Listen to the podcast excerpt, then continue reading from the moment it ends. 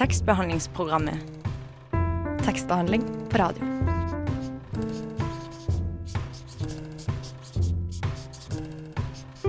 Tekstbehandlingsprogrammet.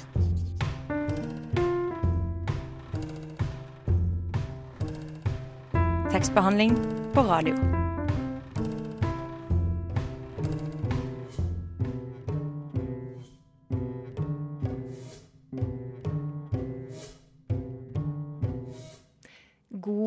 Onsdag morgen og velkommen hit til oss i tekstbehandlingsprogrammet på Radio Nova. Mitt navn er Mari Nyberge, og jeg er her sammen med deg i dag, Johanne Furnes. Hallo. Den neste timen så får vi bl.a. besøk av forfatter Lars Lent, som har skrevet boka 'Menn som hater ulver'.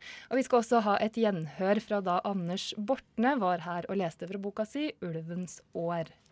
Redaksjonsmedlem Stine kommer også innom for å snakke om Ida Neverdals samling av tegneserienoveller 'I'm a Girl, It's Fantastic'.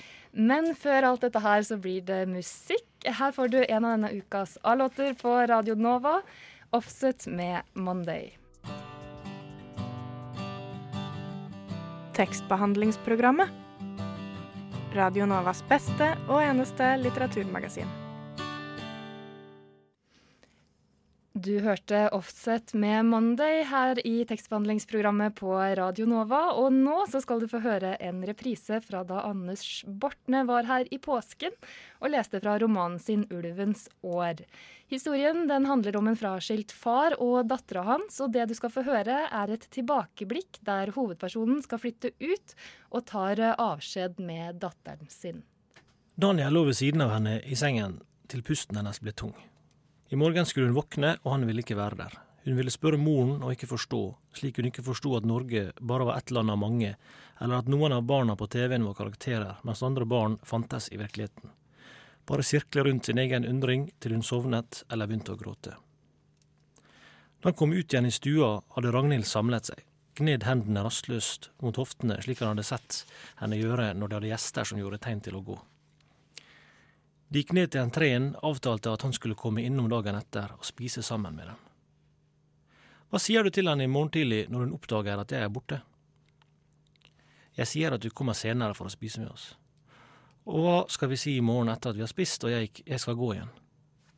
Daniel kledde på seg jakke, skjerf og sko, de eneste eiendelene han hadde igjen i huset som var hans, og gikk opp til datteren. Sara lå på siden, en hånd under kinnet, den andre hvilte på madrassen foran ansiktet. Den klemte lett rundt hans da han rørte ved den. Før han gikk, forsøkte han å omfavne Ragnhild, som trakk seg unna. Ragnhild, gå nå da, vær så snill. Jeg vil se henne en siste gang. Daniel. Han gikk opp trappen, sto med sko og ytterklær på seg og så den sovende lille kroppen i sengen. Dyna var allerede sparket av. Veggen, veggene rundt sengen var dekket av tegningen hennes, lyskuler i alle farger var festet rundt vinduet, alle kosedyrene plasserte den lille stolen i hjørnet. På gulvet foran den hvite kommoden lå klærne hennes slengt, truser, strømpebukser, ulltrøyer, kjoler og skjorter. Hun hørte fremdeles til der. Han gjorde det ikke. Du hørte Diskobeistet med Birkelunden her i tekstbehandlingsprogrammet på Radio Nova, hvor vi nå har fått eh, besøk av deg, Lars Lent. Hei, hei, hei. Velkommen hit til oss. Du har jo bl.a. gitt ut flere bøker om eh, fluefisking. Ja, det syns jeg er gøy. Ja, men uh, i dag så skal du snakke om en helt annen bok som handler om ulv. Rota meg inn i noe langt mer betent enn fluefiske. Vil kanskje tro uh, det. din nyeste roman 'Menn som hater ulver' kom ut tidligere i år. Og for våre lyttere som ikke har lest denne boka her, kan du fortelle litt kort hva er den egentlig handler om? Er det noen som ikke har lest boka, er det du insinuerer? Ja, kanskje teknikeren vår, jeg vet ikke. ja, um, nei, det handler jo om uh, Det starter med at en dame som går tur i skauen uh, i Østerdalen sammen med sin lille sønn. Og så blir hun angrepet og drept på bestialsk vis av det vi antar, leseren antar, er ulver. Um, da har jo på en måte ulvehaterne fått vann på mølla, for de har sagt i alle år så har de sagt hei, bare vent og se. Uh, det er bare et spørsmål om tid før et menneske blir drept av ulv. Mens ulveforskerne har sagt det motsatte. Hei, ulven er helt ufarlig. Uh, det vil aldri skje. Uh, de er nå het på skjorta, og hva i all verden skal de finne på nå? Og spørsmålet er jo da selvfølgelig hva skjedde her? Var det ulv? Spennende plott, holdt jeg på å si. Fikk lyst til å lese den nå. ja. Alle som ikke har lest den. Er det noen, egentlig? Var det en spesiell grunn til at du skrev om akkurat ulv? Da du begynte å skrive? Nei, jeg var ute etter Dette er et, på en måte tredje bok i en slags uh, trilogi, med Rino Gulliksen og Leo Vangen i hovedrollen. Første handlet om uh, Bærum og um, hensynsløse utbyggere på Fornebu. Andre, andre handlet om oppdrettsnæringen. Og da var jeg ute etter en sånn en setting som har noe uh, økologi, noe miljø over seg. Og en setting hvor Rino Gulliksen, som er en ganske gæren ekstorpedo, hvor han kunne gå amok. For han har nemlig satt for seg å satte for seg å redde naturen og dyrene fra disse grusomme menneskene. Og da tenkte jeg hei, ulvekonflikten er perfekt. Det er jo en ganske betent konflikt, og du har jo mange elementer som går an å kjenne igjen i boka di. Hvor mye research gjorde du egentlig før du begynte å skrive, eller underveis i prosessen med den romanen her? Um, moren og faren min flytta til Koppang da jeg var kanskje 25 eller noe sånt. Jeg har vært der mye i alle ferier med, bar med barna mine og har fulgt uh, debatten fra sidelinja, for dette er ikke nytt. Dette er jo, det har vært gæren i 40 år, ikke sant. Uh, Fulgte det fra sidelinje. Uh, det var også grunnen til at jeg valgte det, at jeg kjente det. Uh, og så begynte jeg å tenke at dette er en bra, bra, setting, for her er det så jævlig sterke følelser i det bildet. Og hvis det er sterke følelser, så er folk villige til å gjøre mye rart.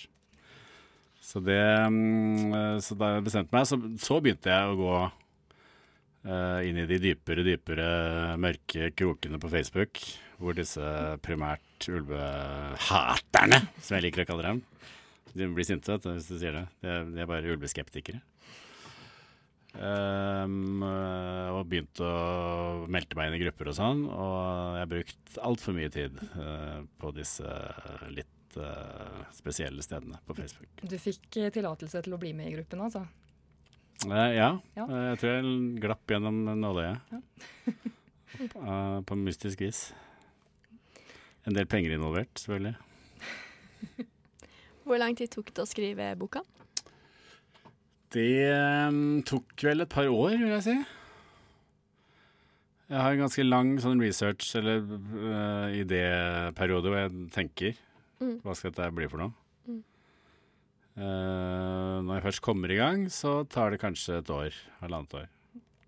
Det var ikke sånn at du Du har jo skrevet om Elgstua, som er et Eller om eh, Scandic Elgstua, som er et hotell i Elverum, blant annet. Det var ikke sånn at du tok inn på det hotellet her og var der og hadde en litt sånn forskerperiode? Jo, det gjorde jeg faktisk. så du har bodd i Elverum underveis, altså? Ja, jeg har vært litt uh, Og kjørt, vært masse i Østerdalen og fiska og sånn fra jeg var liten. Så jeg kjenner jo Elverum, men at det ble akkurat Elverum, var jo mest fordi jeg fulgte ulvesaken som skjedde for tre år siden, hvor disse gutta ble eh, siktet og dømt for ulovlig ulvejakt. Mm. Eh, og jeg har i stort sett bare tatt til venstre i krysset der, ikke sant? ved Elgstua, og så kjørt nordover. Uh, nå måtte jeg inn i leir, skumle, skumle Elverum. det var noe helt annet på andre siden av elva. Leira. um, og et spørsmål til rundt det. Var det strategisk at boka kom ut akkurat når den gjorde det? Var det gjennomtenkt? For jeg regner med at du begynte å skrive den lenge før ulvedebatten var oppe. Ja, det, var, det, var, rett og slett god gammeldags griseflaks. Ja. Um, det var jo den Debatten surret og gikk, liksom. Det tok jo aldri av.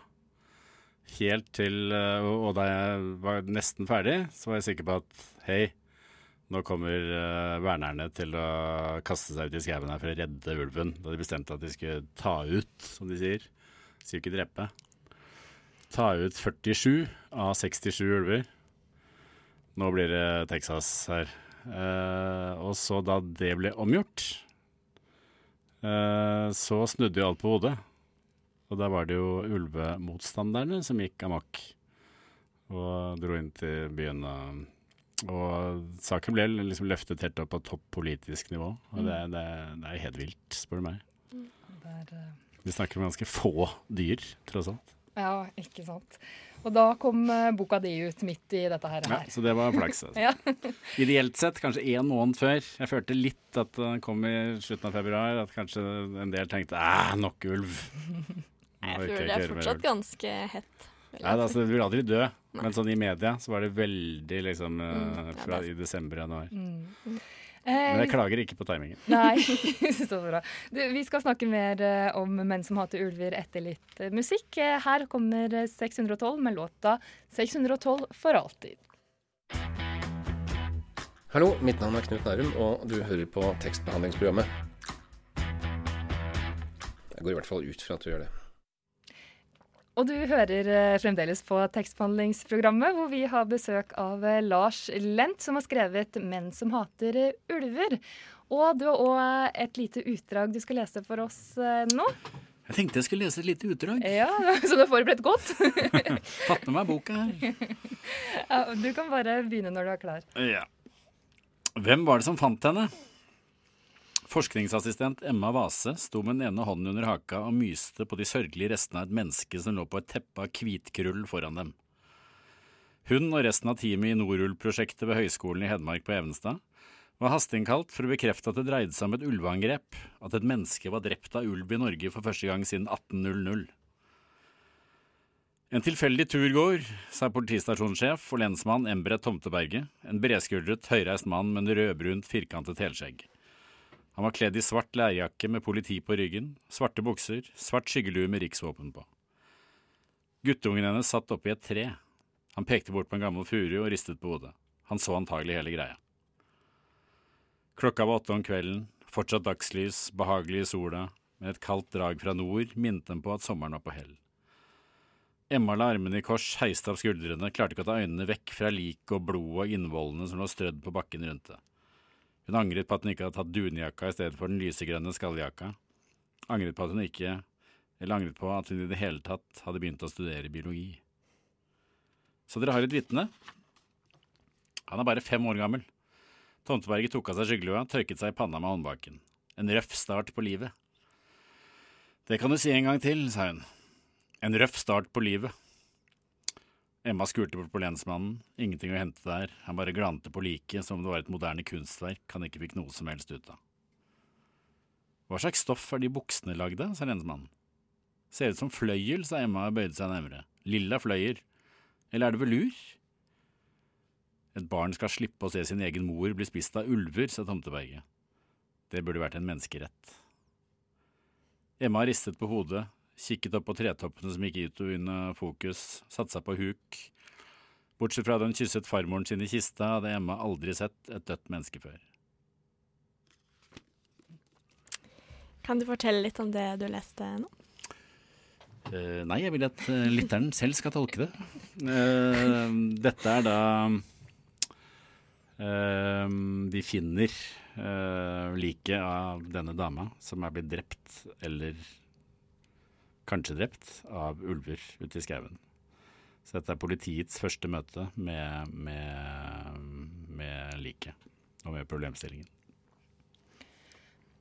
Du har jo um, brukt mange, eller holdt på å si hele historien, det er mange ting der som, som kan, liksom, du kan kjenne igjen i virkeligheten da, hvis du har fulgt uh, ulvedebatten litt. Grann. Hvor går liksom grensa mellom det som er fiksjon og det som er virkelighet? Det er jo ikke alle navn som stemmer, men du har jo bl.a. Uh, nevnt Trygve Slagsvold Vedum uh, ved navn. Hvor er liksom Ja, det er litt, sånn, det er litt stilen min da, å gå inn i en reell konflikt. Uh, folka er jo basert Altså, jeg bruker ingen veldig eh, ordentlige rollemodeller. Altså, det er ikke han jeg skriver om. Men det er deler av han. Og det er mennesketyper jeg på en måte lager disse karakterene. da. Ikke konkrete, ekte mennesker. Men siden jeg setter det inn i en sånn uh, ordentlig, reell uh, setting, da, som nå er ulvedebatten, så velger jeg f.eks. da å bruke Elverum. Bruke ekte by. Litt for jeg har gjort det før. Kunne valgt en fiktiv by. Og disse, særlig disse bakfolka. Altså det er de som danner bakteppet, da, som er politikken, som er type Trygve Slagsmål, uh, Veum han, uh, de, de er ekte. Men det, er en, øh, det er en blanding av fiksjon og virkelighet, eller fiksjon, med en virkelig konflikt i bånden. Mm. Ja. Eh, fulgte du selv den rettssaken mot de tolv mennene fra Elverum og Trysil som eh, ble siktet for ulvejakt i 2014? Ja, ikke, ikke helt, helt, fra starten av, så bare syntes jeg det var gøy. Leste jeg litt. Og så måtte jeg selvfølgelig begynne å abonnere på Østlendingen, mm. uh, som skrev om det hver dag. Så da leste jeg bare om det i tingretten. Tenkte jeg skulle dra opp, men gjorde aldri det. Men så dro jeg opp til Hamar da den kom opp ett år etterpå, mm. i lagmannsretten. Eids-Iva-ting lagmannsrett. Uh, faren min er fra Hamar, så jeg har litt gamle, gammel tilknytning til Hamar. Mm. Og det var kult å komme inn der og se den der inn i settingen hvor det er Økokrim-gutta i kapper. Superkorrekte, flinke på den ene siden av salen. Og på den andre siden så sitter disse seks gutta i flis og rødsprengt og forbanna. Syns det er helt jævlig. Disse dustene fra Oslo kommer opp og skal bestemme hvordan de skal leve livet sitt, liksom. Så det var en veldig sånn krasj, to forskjellige verdener som møtes. Uh, og det er uh, interessant. Og den gikk jo helt til Høyesterett til, til, slutt. Mm. Hvor, de, hvor de tingretten ble fikk ganske strenge straffer, hele gjengen. Én slapp unna, én uh, ble frikjent. Og så fikk de mye mildere i lagmannsretten, fordi de da ikke ble dømt etter en annen paragraf, og da, dermed ikke etter mafiaparagrafen. Og så um, fikk de strengere straffer enn i, i Høyesterett. Jeg tenker på denne, liksom, den klinsjen mellom de bygdejegerne, holdt jeg på å si, og de, de gutta og det hatet nærmest da mot oslofolka. Er det liksom noe som du gjenspeiler i boka di, eller går det an å liksom er det, er det, det som er greia, eller? Nei, det er jo primært Det er ikke en bok om ulvekonflikten. Det er en bok om mennesker, som de aller fleste romaner er. Om hvordan vi roter det til og overvurderer oss selv. og og kommer inn i mulige situasjoner og prøver å kjempe oss ut igjen, liksom. Og forhold mellom mennesker. Uh, så det er ikke en bok om ulvekonflikten. Men samtidig, når jeg først har det som bakteppe, så er, det er jo alle disse tingene med. Altså det er jo, det er jo mye hat der. Hva hater disse gutta? Hater de ulver, eller hater de, hater de seg selv? eller hva, hva er det de hater? Uh, det de i hvert fall hater, er jo litt som jeg sa i stad, at uh, de føler at uh, folk som ikke kan, kan dette her, skal bestemme hvor, hvordan de skal oppføre seg mm. på deres hjemmebane i skauen. Det liker du dårlig. Altså. Ikke sant. Og det er jegerne som er hoved... Det er de som driver dette her. Det ikke bøndene, ikke, sauen. ikke sau, sauen, holdt jeg på å si. Altså, det, er, det, er, mye sinte sauebønder, men, men, det er jegerne som er, er, er de klart hissigste. Mm. Eh, vi skal snakke litt mer om uh, ulv og jegere og alt sånt der etter at vi har hørt bergensrapperne Hester V75 og Kingskurk One, Kingskurk One med Troen på.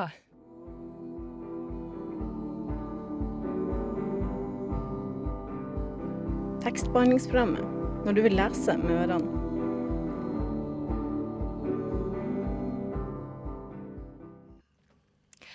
Eh, Lars Lent, du har forberedt enda et utdrag fra 'Menn som hater ulver' for oss her i tekstbehandlingsprogrammet. Forberedt og forberedt, fru Blom. du har i hvert fall boka foran deg nå. Ja. Um, ja, vær så god.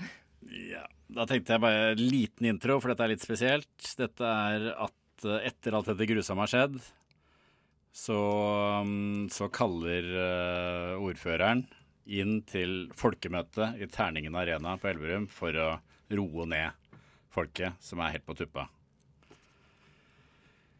Luften i Elverum storstue, Terningen arena, dirret av usikkerhet, forvirring og sinne. Over 3000 sjeler hadde presset seg inn.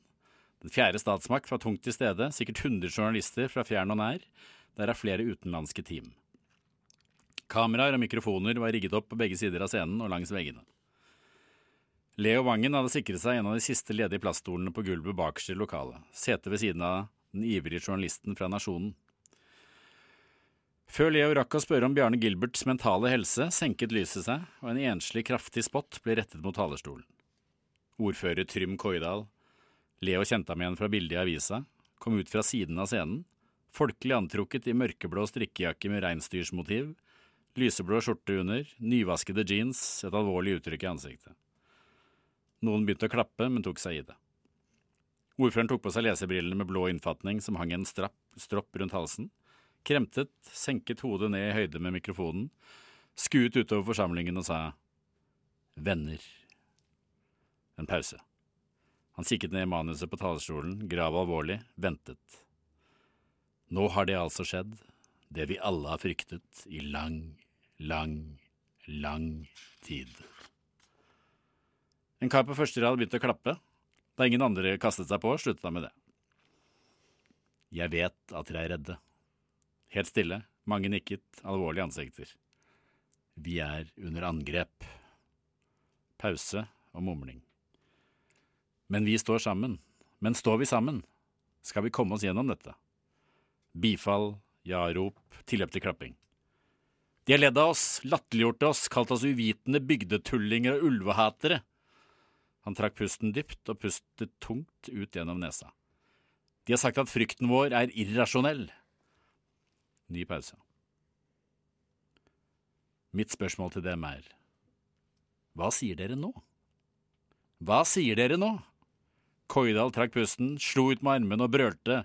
Hva sier dere nå? Du har jo eh, tidligere skrevet flere bøker med f.eks. fluefiske som tema. Hvordan var det å skrive om ulv eh, i forhold til det? Det var jo betraktelig mer kontroversielt, da. Mm. Og visste jo at jeg stakk hånden inn i et slags vepsebol. Men valgte å gjøre det likevel. Men øh, Og for jeg, dette er som jeg sa, dette er tredje boka i en slags triologi. Mm. Hvor første var øhm, utbygging på Fornebu. Andre var fra oppdrettsnæringen. Dette er øh, da ulvesaken. Så det er en sånn miljøaspekt ved seg alle sammen. Eh, De to første mye mer en sånn penge, pengemotiv. Både utbygging av indrefileten i Oslo, som var Fornebu den gang, og oppdrettsnæringen. handler jo primært om penger kontra natur. Mens ulvedebatten er jo, handler ikke så mye om penger, det handler litt, litt om penger. Uh, De som leier ut jakt, f.eks., lider jo av dette her. Uh, Sauebønder kan man si handler litt om penger, men egentlig ikke. Og de gærneste gutta, de som virkelig kjører på her, det handler om det vi snakket om i stad. Å være bestemme sjøl, og ikke at uh, disse caffè latte-drikkende elitefolka fra Oslo skal fortelle dem hvordan de skal leve livet sitt. Så det er på en måte litt sånn tema penger mot natur, eller da mennesker mot natur. Det er mennesker mot natur, ja. Hvordan, øh, hvordan vi mennesker Og det gjør meg sint. Hvordan mennesker øh, Hvordan øh, næring alltid trumfer, trumfer natur da, i Norge. Samtidig som vi later som vi er et land som er veldig opptatt av natur.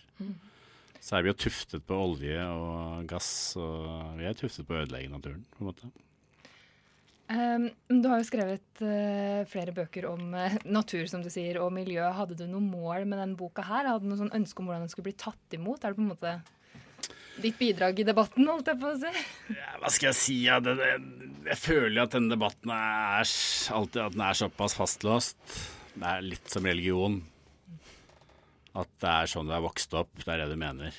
Og at frontene er såpass steile at jeg hadde ikke noe Egentlig ingen som helst formening eller håp om at eh, jeg skulle bidra til å dempe gemyttene. Det er det ikke. Men kanskje likevel få inn noen prøve å få begge sider til å Hei, kanskje det er noe der. Kanskje vi kan til og med le litt av dette her. Kanskje vi er litt komiske alle mann.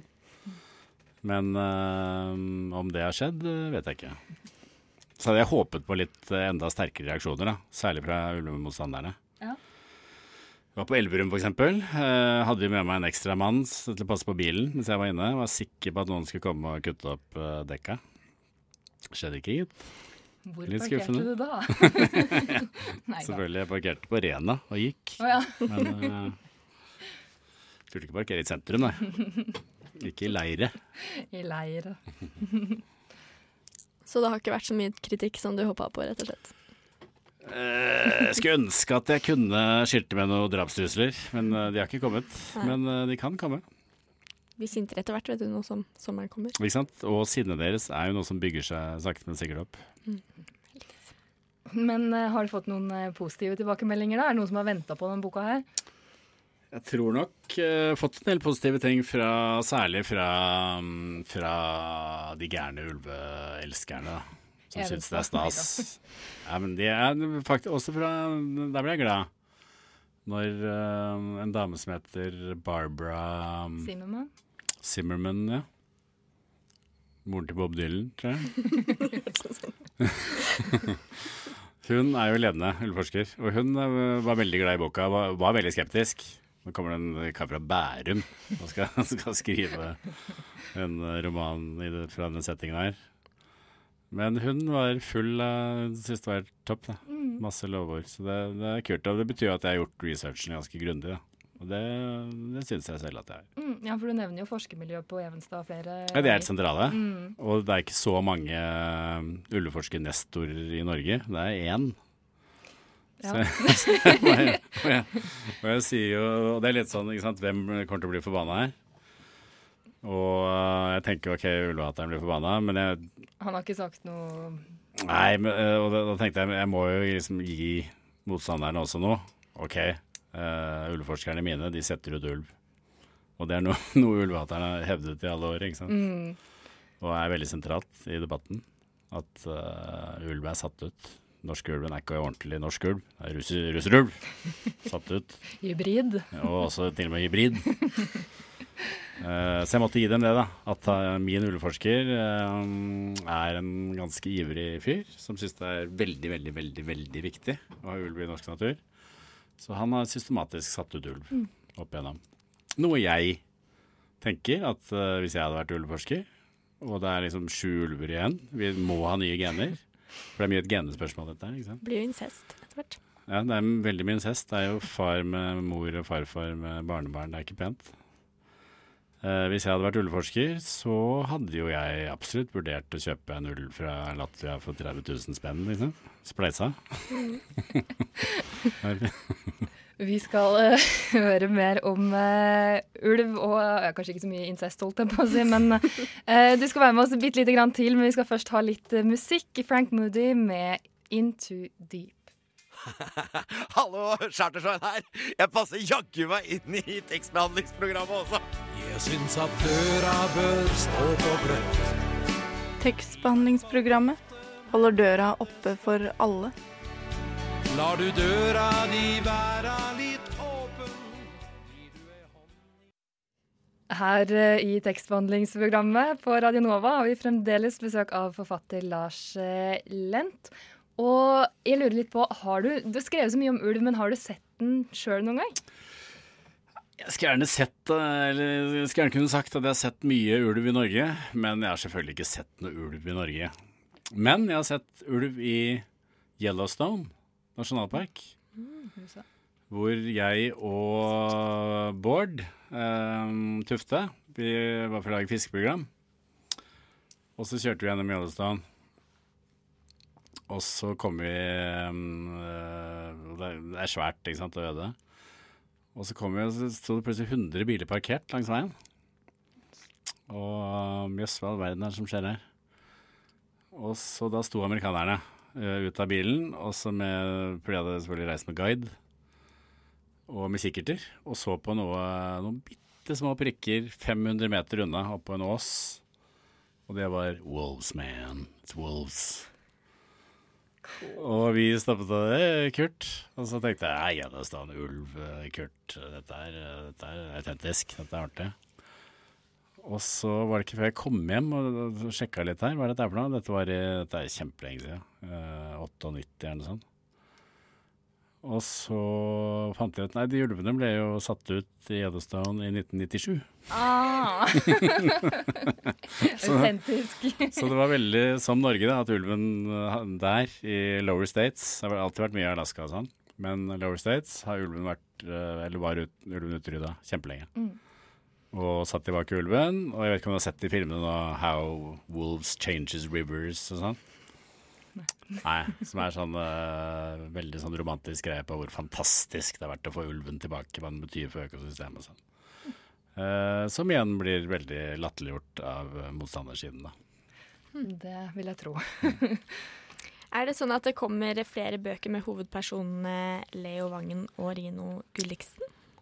Eh, Jeg tror det. Eh, hadde kanskje egentlig tenkt at det skulle være en teologi, men så fikk jeg en veldig fin eh, kontrakt i Tyskland, På kontrakt på de tre jeg har skrevet. Og da tenker jeg at det er sånn dumt å legge det bort. Mm. Eh, så det, blir, det gjør det. Men om de skal drive boka, eller om jeg kanskje skal begynne i en helt annen setting, og så dukker de plutselig opp, i hvert fall Rino, da, Mm. uh, på side 110, det er jeg litt usikker på. Og har litt lyst uh, Vet ikke om det blir det, men jeg har begynt å, å researche litt på, på vindkraft, på vindmøller. Ja.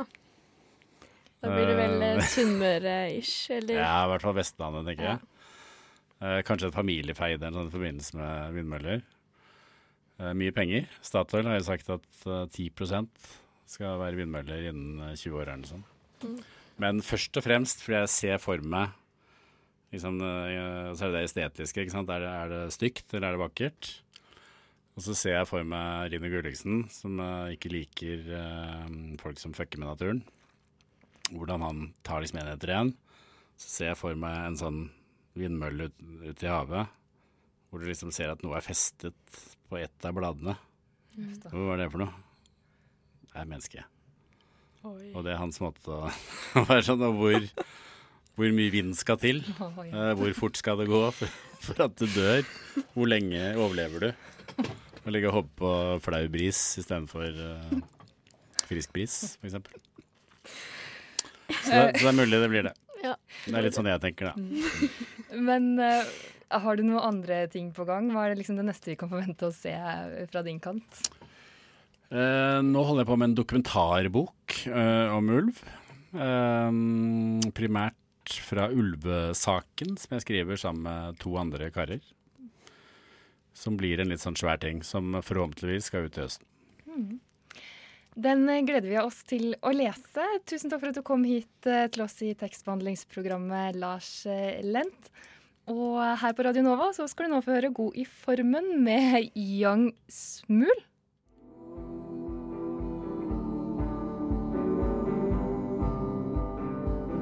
Tekstbehandlingsprogrammet når du vil lese med ørene.